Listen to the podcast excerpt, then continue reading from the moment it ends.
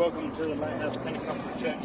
I'm Pastor Nate Gresham, and I'm thrilled that you're able to join us and be with us here this morning. The title of this morning's message is The Limitation of Imitation. You know, we must make sure that we have a real relationship with God. There's, there's so many limitations from uh, things that are fake out there. We don't want our uh, relationship with God to be an imitation of the real deal. But one thing uh, that really people struggle with the most is the price. And so I encourage you, pay the price for the real deal. Pay the price for the real relationship because the real relationship will have a far greater experience and quality than the uh, fake imitation version. Let's dig into the Word of God and see what God has for us this morning.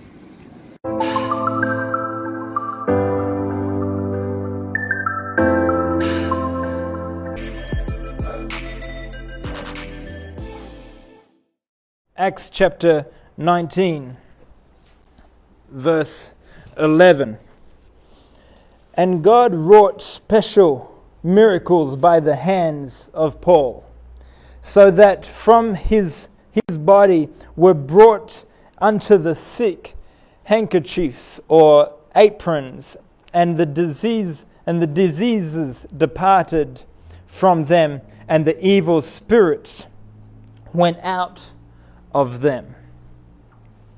Uh, just so you know what's happening there, um, this is where people would bring a little handkerchief or something. Paul would anoint it with oil, pray over it, and they'd take it, take it back to the persons that's sick, and they'd be healed, etc. And and and special miracles.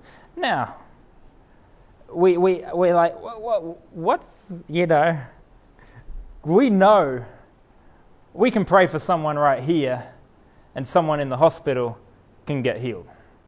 I don't need to send them a handkerchief. I don't, you know, I don't need to do anything like that. But what's happening here? They are, they're like, what happens is the person receives it, receives it, and this is where faith comes in. As much as, the, yes, the Spirit of God dwells in me, and, and the Spirit of God leads me and directs me, there's also this fleshly human side that I have to battle with. I know, I know God says this, and I strive towards that, and, and then there's this fleshly side that, that tries to pull me down. And so someone receives a, something that the church has prayed over, an anointing oil put on it, and the Apostle Paul has prayed over, right? And all of a sudden, even the human, humanity and their fleshly side gets a bit of faith, and they're like, yes, this healing is coming to me. That's, that's, that's, that's, that's all it uh, really is. Okay? And so, let's continue on. So that's what's happening here. Special, special miracles by the hand of Paul. Verse 13. Then certain of the vagabond Jews, exorcists, took upon them to call over them which had evil spirits the name of the Lord Jesus, saying, We adjure you by Jesus, whom Paul preacheth. And there were seven sons of Sceva, a Jew and a chief of the priests, which did so. And so these people come in, these, these vagabond Jews and these this priests and, and these people come in and they say, they adjure these people that are filled with an evil spirit, saying, uh, basically rebuking them. They're exorcists, people that would cast out spirits, okay? They'd cast out spirit. They say, by, they basically say, by the name of Jesus, who Paul preaches about, come out. That's, that's, what they, that's, what, that's what they say, that's what they did verse sounds, sounds wonderful and great and everything. Verse 15 And the evil spirit answered and said, Jesus I know, and Paul I know, but who are you? Jesus I know, and Paul I know, but who are you? And the man in whom the evil spirit was leaped on then, leaped on then, who the evil spirit was, leaped on them, and overcame them and prevailed against them, so that they fled out of that house naked and wounded. And this was known to all the Jews and the Greeks, also dwelling at Ephesus. And fear fell on them all, and the name of the Lord, the name of the Lord Jesus, was magnified. Even when it seems like defeat happens, God's name is magnified. God's name is praised. There's a reason for that. There's a reason for that. Verse 18 And many that believed came and confessed and showed their deeds, many of them also which used used curious arts, brought their books together, and burned them before all men. And they counted the price of them, and found it fifty thousand pieces of silver. Now think about it 50,000 pieces of silver. Jesus was betrayed for 30. Not 30,000, 30. All the stuff that was brought together equaled 50,000 pieces of silver. Jesus was betrayed for 30 pieces of silver. Just a, just a thought and the valuation there. Verse 20 so mightily grew the word of God and prevailed. This morning, I want to preach just for a little while on the topic the limitation of imitation. The limitation of imitation. Straight into it, basically, you must have a relationship with God for yourself. You cannot get by on a relationship that I have with God. You cannot get by on a relationship that the leaders in this church have with God. You cannot get by on a relationship that your parents have with God or that preachers that come in and preach have with God. You've got to have a connection and a relationship with God for yourself. For yourself. I can pray for you. I can fast for you, I can preach every Sunday to you, but it doesn't really matter if you don't have a relationship with God yourself. The sons of Sceva came to, they said, well, we've cast out spirits before. They were exorcists. That's what they did. But they did it by the power of the devil. Exorcists, right? They had curious arts and books and did all these fancy type things. And then Paul comes along and, in the name of Jesus, this person's healed. In the name of Jesus, that person's demon is cast out. All these things are happening. And they're like, whoa. And so they go into a place, into a house where they're like, this person yeah, he's filled with the evil spirits. And so they go in to cast him out, and they say, In the name of Jesus, who Paul preaches about, come out. And the devil responds, responds, the demon responds, and honestly, it's quite, this is actually, it, it, there's a part of it that's quite humorous. Okay? Because the demon responds and says, Jesus I know, and Paul I know, but who are you? Who are you? Like, like you, you're going to come in. Uh, okay, so you've mentioned some wonderful names. It's really good. I know them. Who are you again? I, I know these people. Everyone in hell knows them. if you're, if you're a demon, uh, we know we're demons. We know there's one God and we tremble. we know Jesus, we know Paul. We also know Peter and we know all the other disciples. They're scary people. But who are you?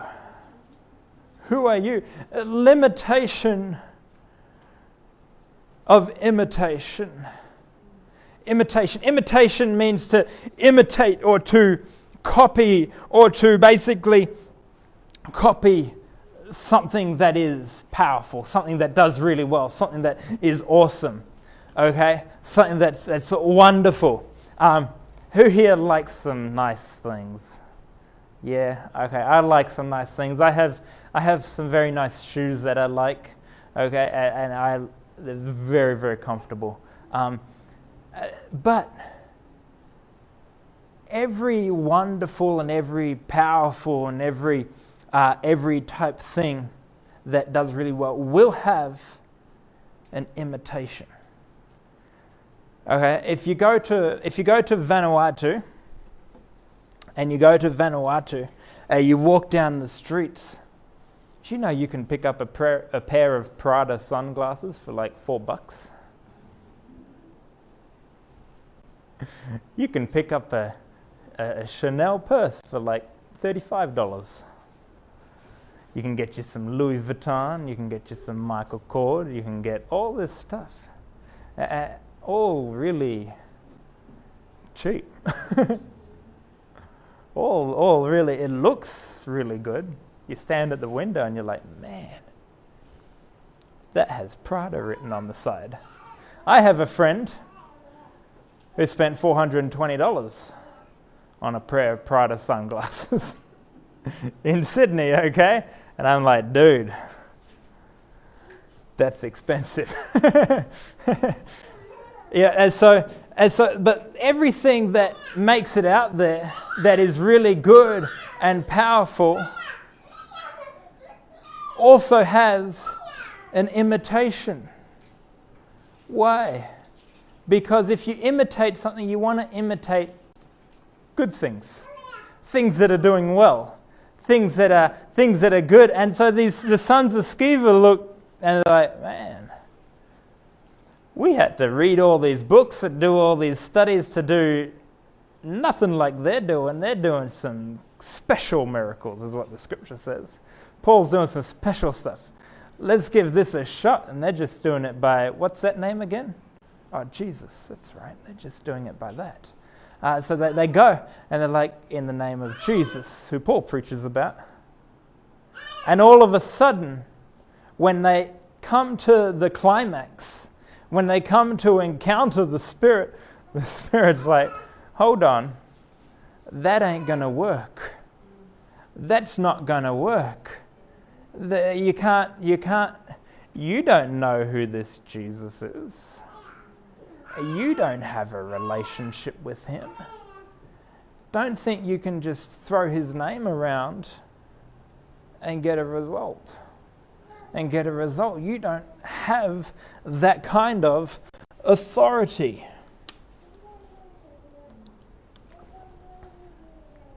It is vital that we have a relationship with God. Imitation is how the enemy works. The devil cannot create. God creates, we create. We create, we're made in God's image. Everything that we create, we create with things that God created. We create from substance, okay? But we still create. God creates from nothing. If I ask you to hold out your hand and there's nothing in it, and I say, create something, good luck, you can't do it. right. God creates from nothing. God just speaks, and poof, there it is right?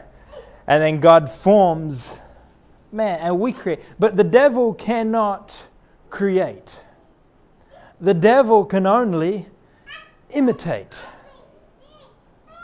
The devil can't create new things and create this or that. He can only imitate what God does or what we do. Think of the Think of the uh, Tower, of ba- Tower of Babel, right? It wasn't the devil that came down and created all the confusion and changed the languages and stuff. It wasn't, it wasn't that. It wasn't the devil that came and messed everything up.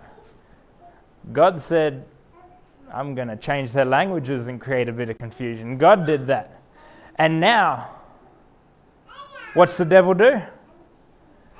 imitates that and tries to create confusion and confusion through communication and create, create fear in our life and confusion through this and that. And so the devil does not create, The devil hasn't had an original thought since his creation. The devil hasn't had a unique thought, his own thought. He just imitates what he sees. Okay? He just imitates what he sees. The devil does not create. And that's how the devil attacks through imitation. Every lie is a lie with an inch of truth in it. There's always a smidgen of truth, and that's the way the devil works.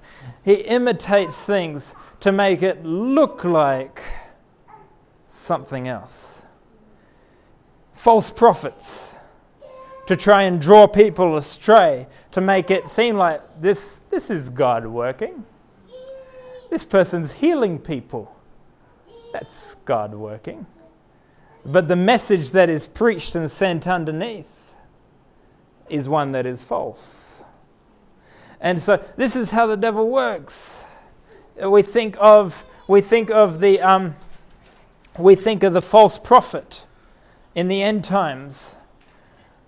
Right? We think of the false prophet in the end times and we think of all these things that will lead people astray because they honestly think they're doing and following the right thing and doing the right thing. And so these, these things that happen, uh, this is how the enemy works. There's some toys in the background if the children want some. Um, if the, one of the parents want to take the children out, there's some toys there. And so there's, that's how the devil works is through these uh, through imitation through these things through imitating things that's how he works but imitation has its limits imitation has its drawbacks has its things that it doesn't doesn't work with. Right? Doesn't work with. Let's turn together to Exodus chapter 7. We saw the sons of Sceva.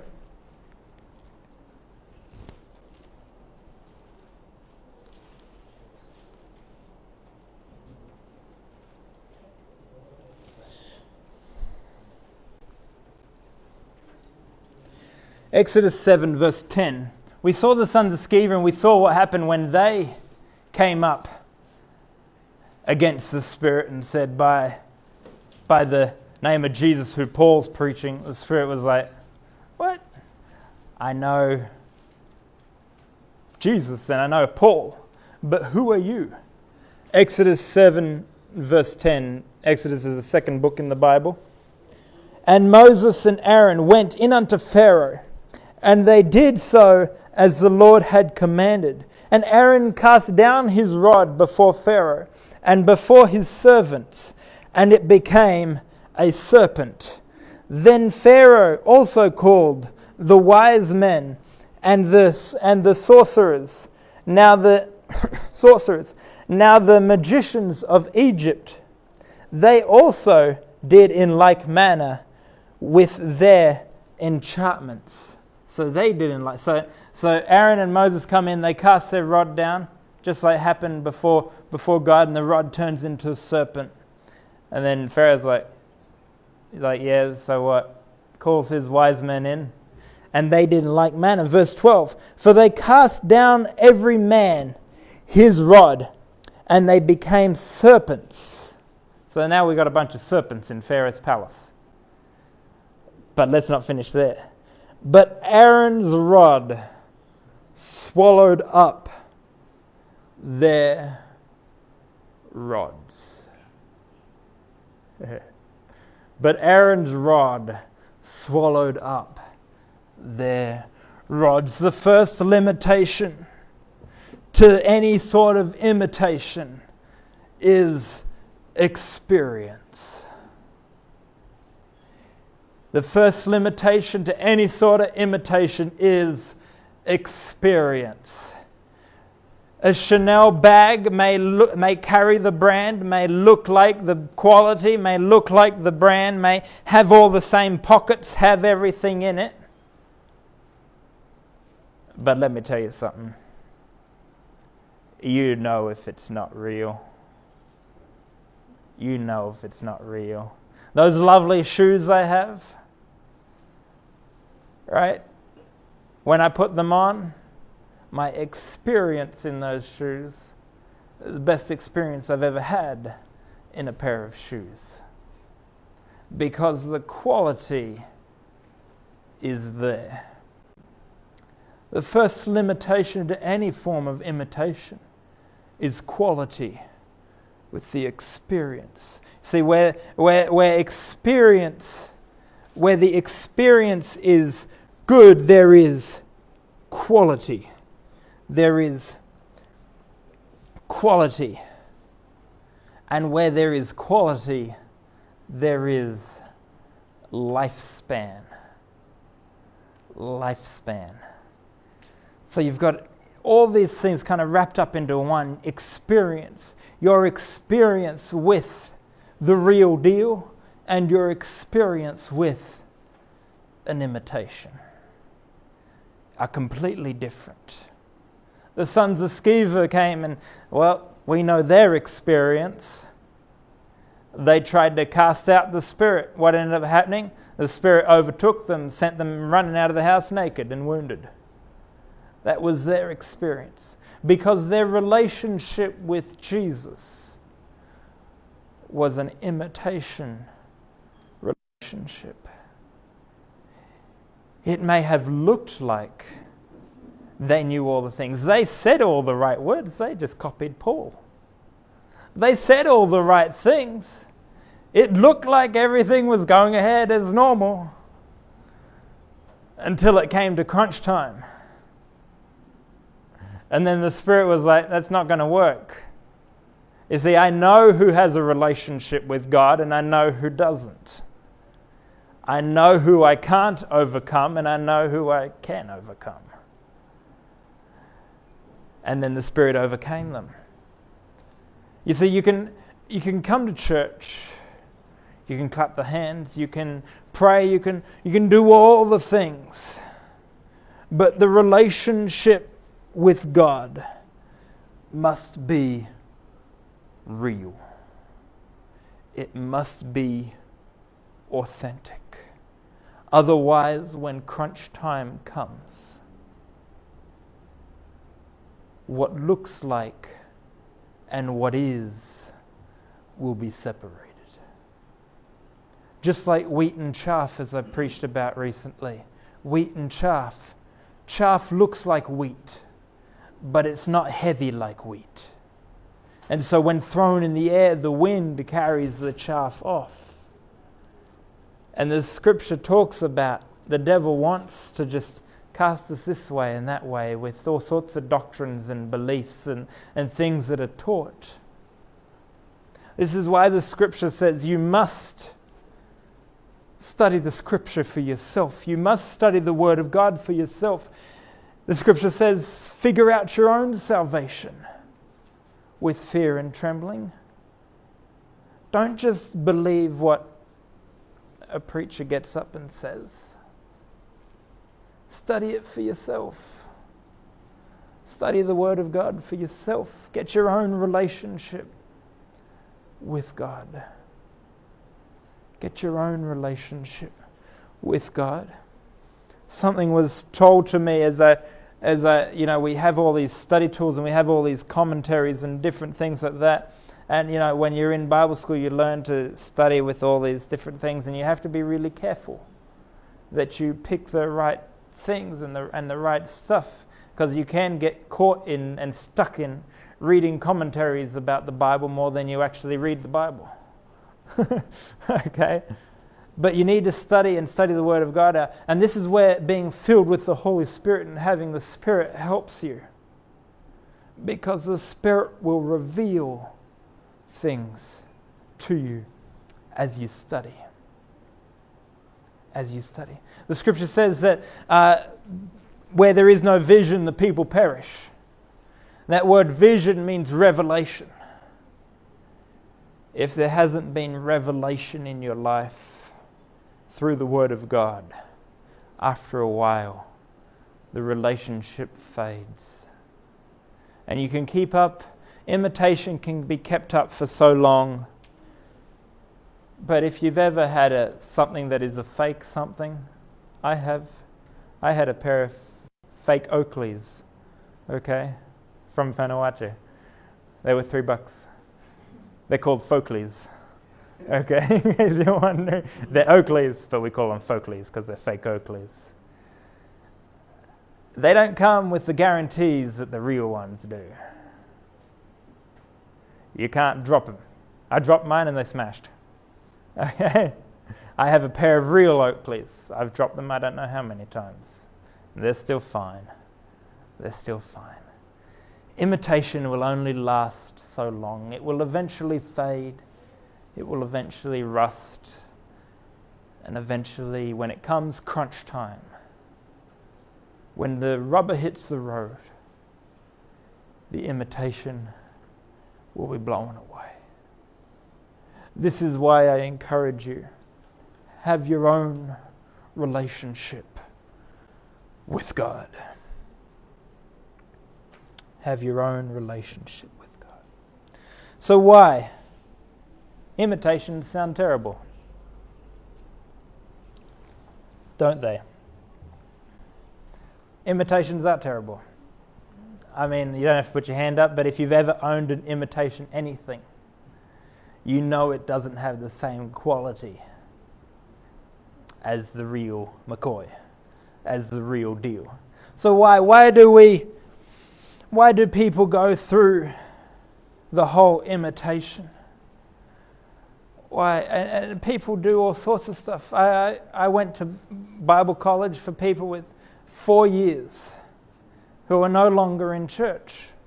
They graduated with theological degrees. They understand the Word of God. They understand things, and they're not in church anymore. They went to classes all day, every day, Monday to Friday. They went to like six church services a week for four years. They sang in the choir. They did all this stuff. They preached. They were awesome preachers. And yet, after a while, it just faded. Why? Why? Why do people choose an imitation over the real deal? Why do people choose an imitation over the real deal? There's all sorts of things that play into it. Expectations. My mum and dad think I should do this. My brothers and sisters do this, so I, I should do this. This is, I, I have to do this. This is what everything, everyone thinks I should do. This is the level that everyone expects me to hold, so I should hold it. Expectations are a big thing, and, and, uh, but that won't carry us. Expectations are a big thing that play into why people imitate things, because we're expected to do this or that. There's all sorts of other things, but the big thing, the big thing is the price. Is the price. The cost of the real deal versus the imitation the real deal versus the fake. The imitation is only a few bucks, a few dollars.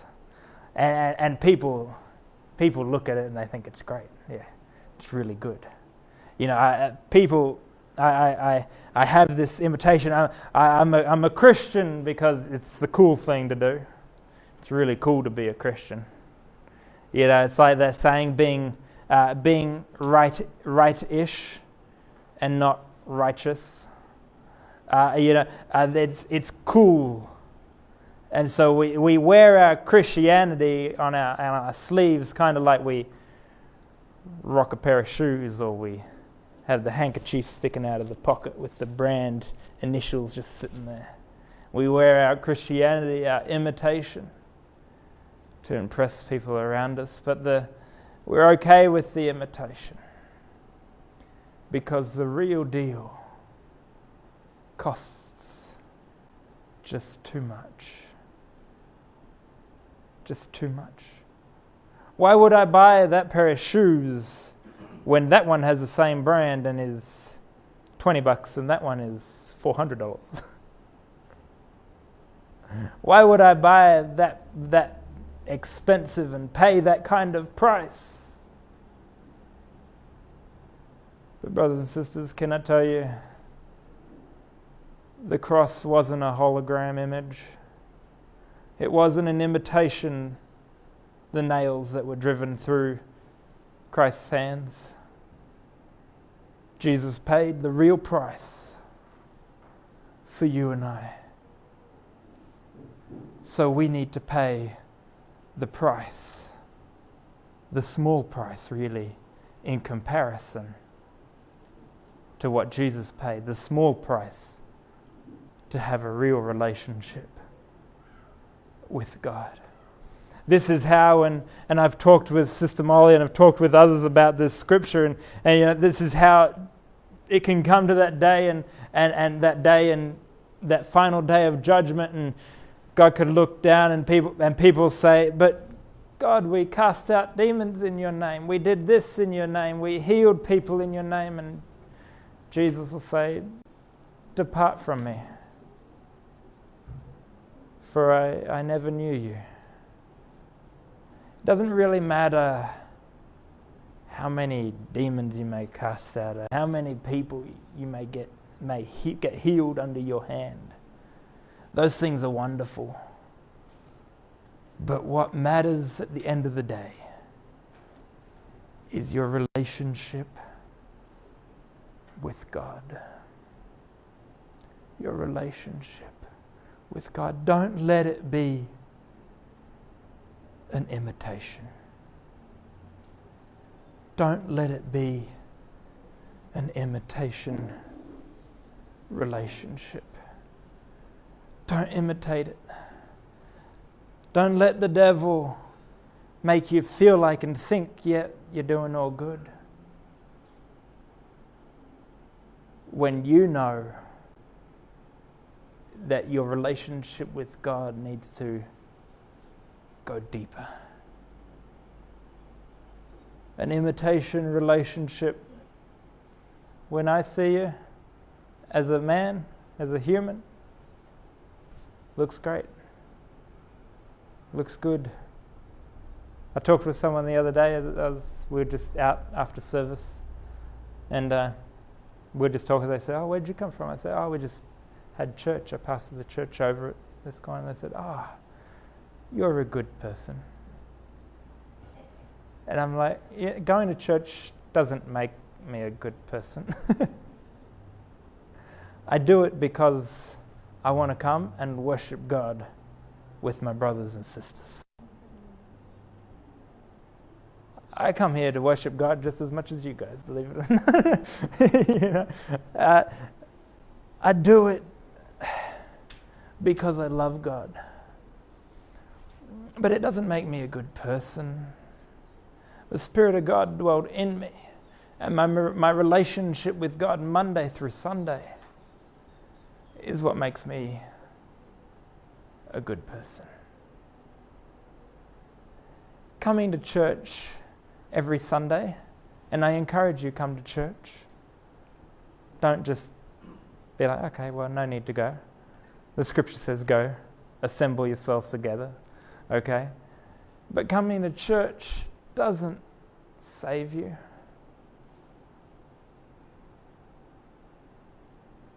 relationship with God is what does it. We cannot get by on an imitation relationship. Because your whole life, it may look good to everyone. It may look good to everyone, but the crunch time, is when God calls his church up to meet him in the sky. And at that point, the wheat and the chaff are separated. You must find a relationship with God for yourself. Your relationship with me and me to God can't save you. No matter how deep an understanding of the Word of God that I may have, that can't save me. But my relationship with God. Am I obedient to God in everything? Am I obedient? Am I submissive to God? If you want to know, answer to those two questions, and I close with this. If you want to know the answer to those two questions, has God asked you to do something? And have you done it? Has God asked you to do something? And have you done it? And you see, this is the reason God says obedience is greater than sacrifice, is because obedience, oftentimes, obedience and submission, oftentimes, goes against what we would really like to do. What we would really like to do. But that, when God requests something of us and we adhere and submit to it, that's a strong relationship with God. Let's stand together this morning.